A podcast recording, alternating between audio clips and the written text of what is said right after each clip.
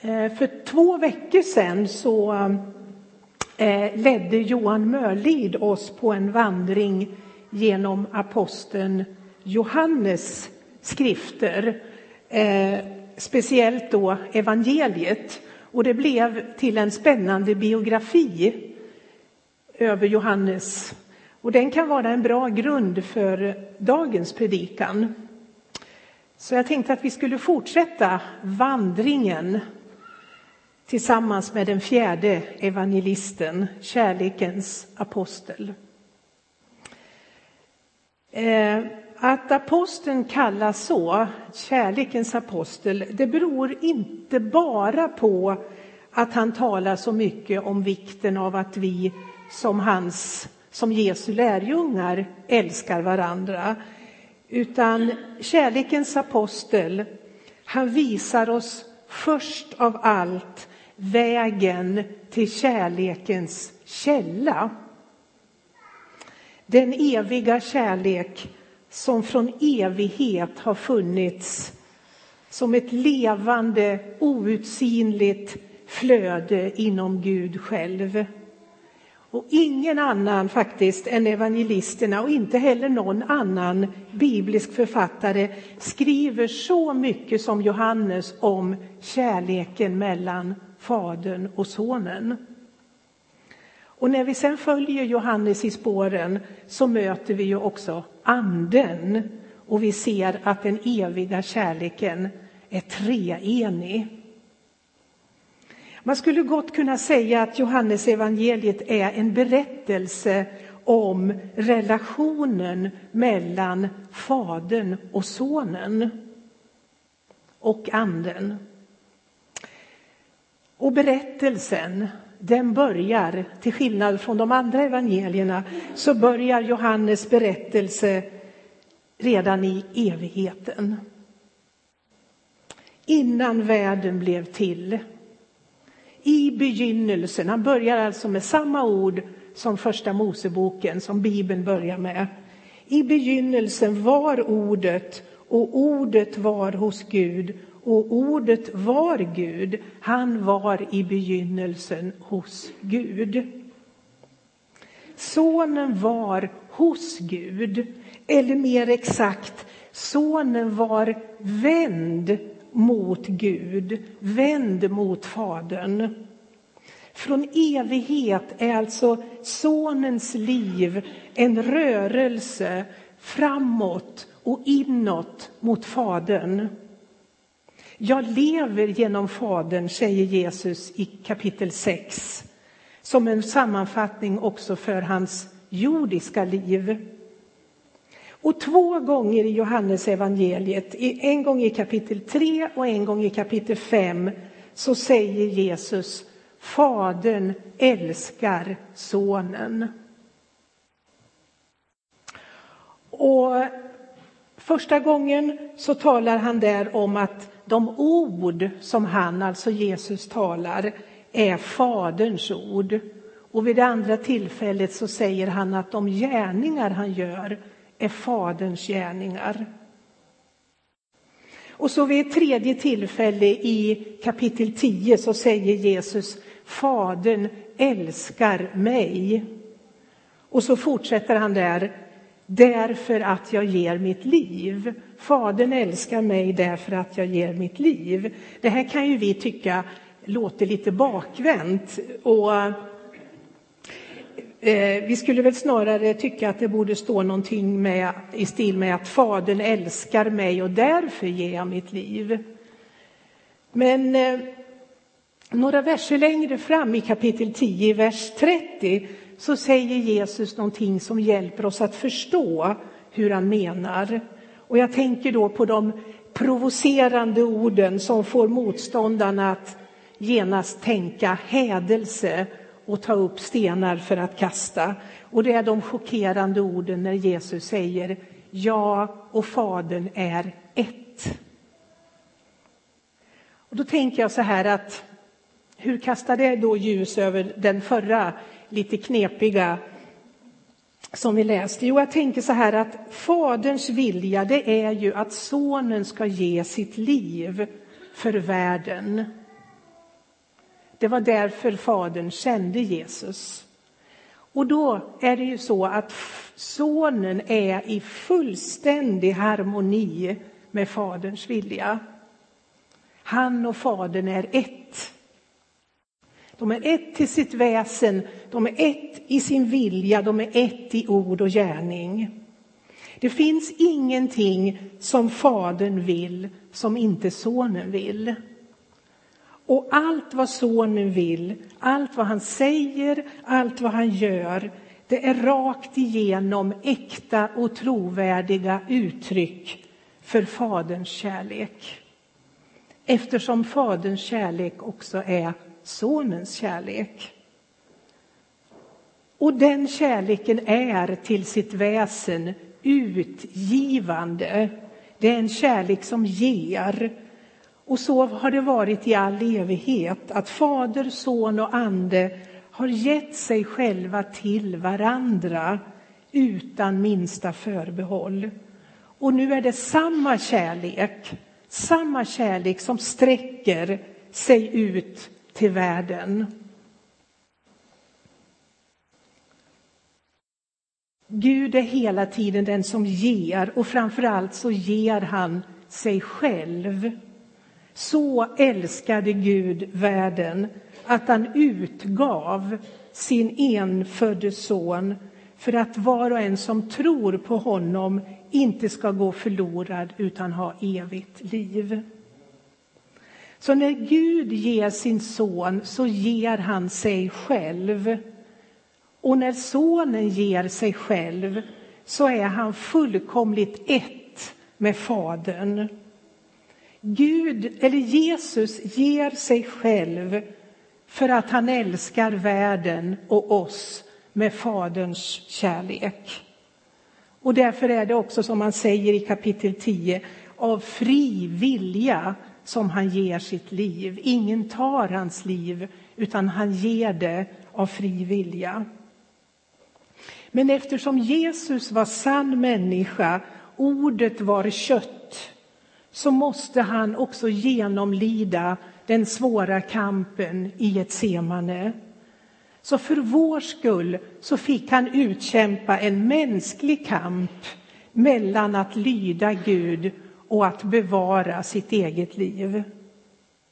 Och kampen slutar ju med att sonen i kärlekens lydnad säger sitt helhjärtade ja till Fadern. Och även det är en viktig del av frälsningshistorien där Jesus går in och liksom tar den första Adams plats. Han som sa nej till Gud. Och så vänder han på alltihopa när han säger ja till Gud, också som människa. Gud är hela tiden den som ger. Om du kände till Guds gåva, säger Jesus till den samariska kvinnan i kapitel 4. Och då är det ju egentligen djupast sett sig själv som Jesus talar om. Det är han som är Guds gåva. Han som står framför kvinnan och säger detta. Om du kände till Guds gåva. Och han vill ge sig själv som gåva för att visa oss Fadern och för att ge oss det levande vattnet som är den heliga Ande. Den heliga Ande som också var så att säga det levande vattnet i Jesus Kristus själv. Och det vill han ge till oss och dela med oss. Och så innan vi läser nästa Johannesvers skulle jag vilja ge ett litet tips.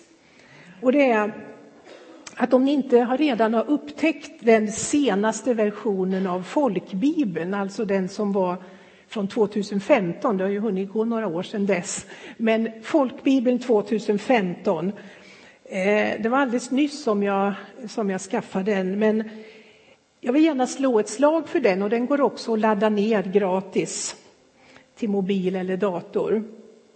Eh, jag har flera gånger blivit glatt överraskad när jag har, har läst den.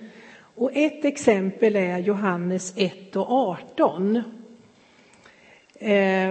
Och jag blev glad när jag hörde att det jag hade skrivit i marginalen faktiskt nu har kommit in i, på pränt i en svensk översättning.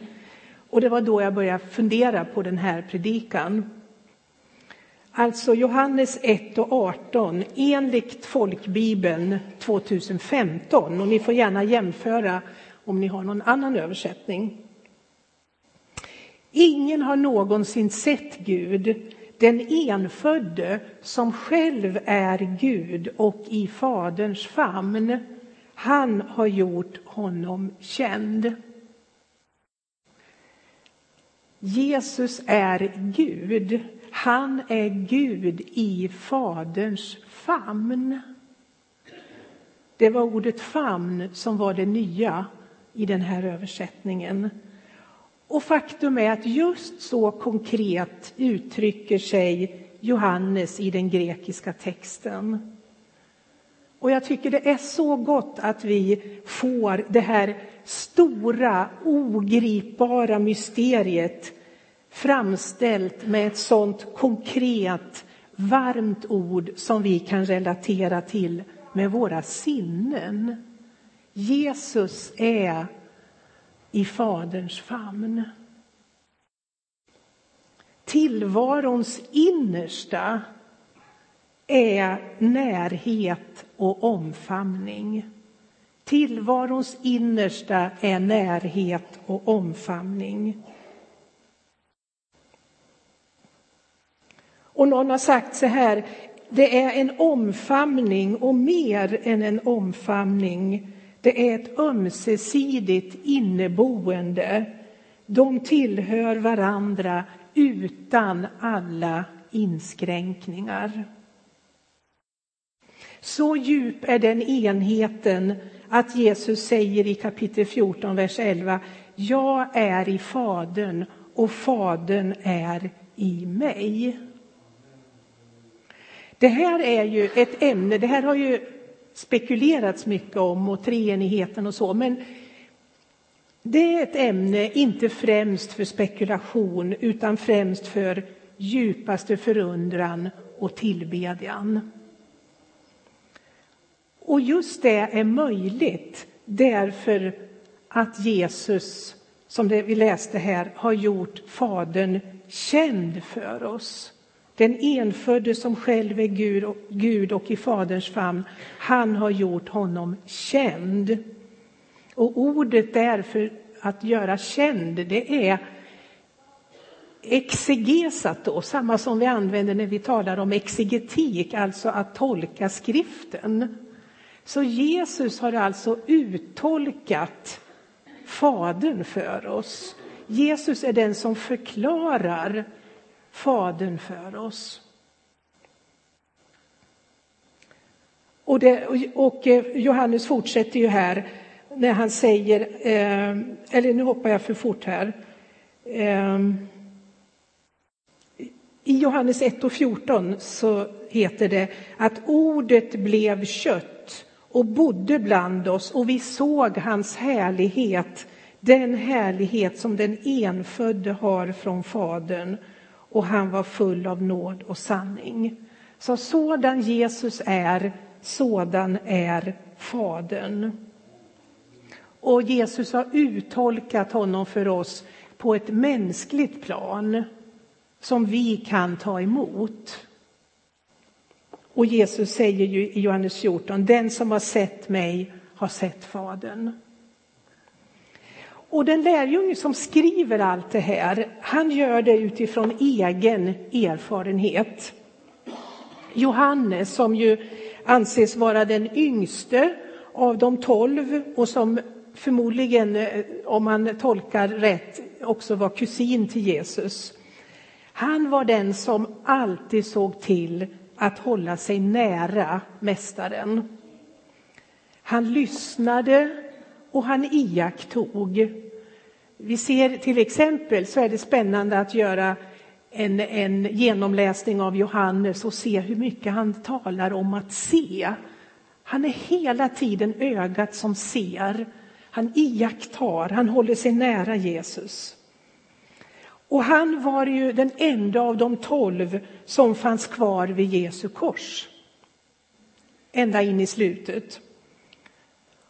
Och när han och Petrus sprang till den tomma graven så var det Johannes som kom först fram. Sen var det Petrus, den impulsive, som gick in först. Men Pet Johannes kom först fram och när han gick in så står det att han såg och trodde. Och så vid Jesu sista måltid, om vi nu backar ett par dagar, med lärjungarna, då finner vi Johannes på plats närmast Mästaren. Han skriver så här, det är hans sätt att presentera sig själv också, i kapitel 13, vers 23. En av hans, alltså Jesu lärjungar, den som Jesus älskade, låg till bords vid Jesu sida. Eller ordagrant, låg till bords i Jesu famn. Det här är den andra gången av två gånger när Johannes använder det här ordet famn. Samma ord som han använde om sonen i faderns famn använder Johannes nu om sin plats vid Jesus. Och på det sättet blir Johannes en vägvisare för oss. Han blir den som på ett särskilt sätt visar oss platsen vid Jesu hjärta. Den plats som finns beredd för var och en av oss. För att också vi ska kunna veta och erfara att vi är den som Jesus älskar. Han leder oss alltså till kärlekens källa.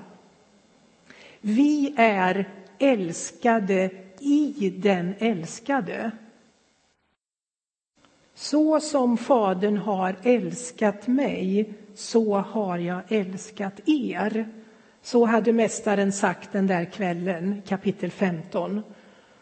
Och vi kan ta också med några ord från den bön som Jesus bad den kvällen, kapitel 17 och så från vers 22 och framåt en del.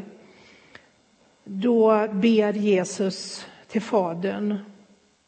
Den härlighet som du gett mig har jag gett till dem för att de ska vara ett, liksom vi är ett. Jag i dem och du i mig, så att de är fullkomligt förenade till ett.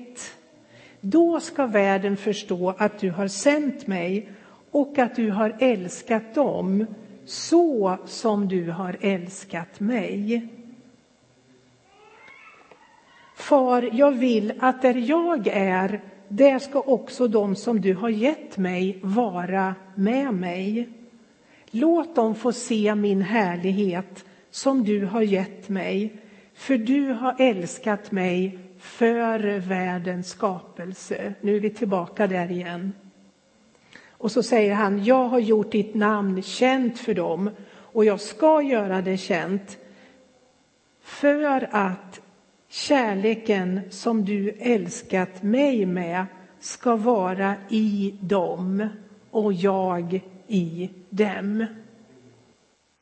Johannes han hade lyssnat uppmärksamt till Jesu undervisning och gömt den i sitt hjärta. Och därför är hans evangelium inte bara berättelsen om Fadern och Sonen och Anden utan också berättelsen om Guds gåva till världen. Den är berättelsen om hur Fader, Son och Ande sträcker sig ut till världen för att dra oss, var och en, med in i den eviga kärlekens gemenskap. Kapitel 14 också, från vers 16 samma kväll, där det här uttrycks. Jesus säger, jag ska be Fadern och han ska ge er en annan hjälpare, en annan hjälpare av samma sort, står det dessutom i texten.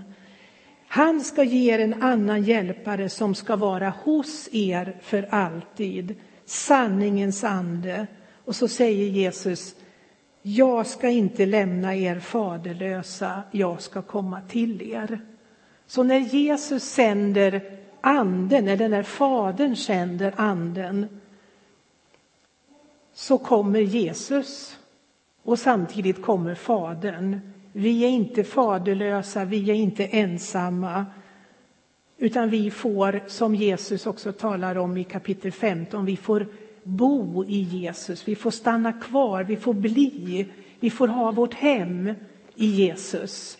Vi får söka den här platsen som Johannes visar, nära Jesu hjärta. Den platsen tillhör oss genom det som Jesus har gjort för oss på korset och genom sin uppståndelse.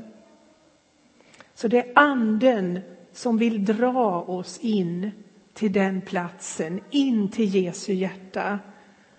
Där finns den här källan med det levande vattnet som är Guds eviga kärlek. Vi tar en stund i bön och tacksägelse och, och, och tar emot och tackar för detta ofattbara att Jesus älskar mig och dig med den kärlek som han är älskad med av Fadern. Jesus, tack för att oavsett vad andra röster inom oss och utifrån kan vilja säga så är det så att platsen i Faderns famn, den har du berett för oss. Där får vi vara tillsammans med dig. Du som själv har gett dig för oss. Och därför ber vi, heligande, att du drar oss in mot Fadern och hjälp oss också att leva så att vi vänder blicken mot dig så som du vänder blicken till Fadern. Och lär oss att som du lyssna och följa. Låt oss få stanna kvar och bo i dig så att vi också kan få bära frukt den frukt som ger ära till dig och till Fadern. Tack att det inte handlar om att vi ska göra oss bättre eller prestera, utan det handlar om att vi får hitta vår plats hos dig. Så att våra rötter kan, kan finnas hos dig så att vi kan växa i din kärlek, i din gemenskap. Tack för detta ofattbara som vi får vara med om även de dagar som vi inte kanske ser och förstår och märker. Så får vi veta att vi är vid ditt hjärta som dina barn. Tack för det, Jesus. Tack, Far.